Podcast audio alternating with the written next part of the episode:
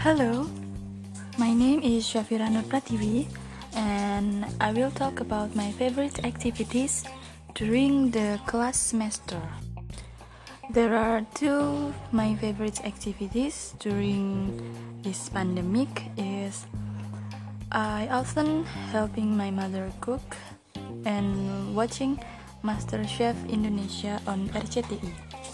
And then the online class that are held and using the LMS website as a learning tools are new to me and the new experience of online schooling is quite interesting for me.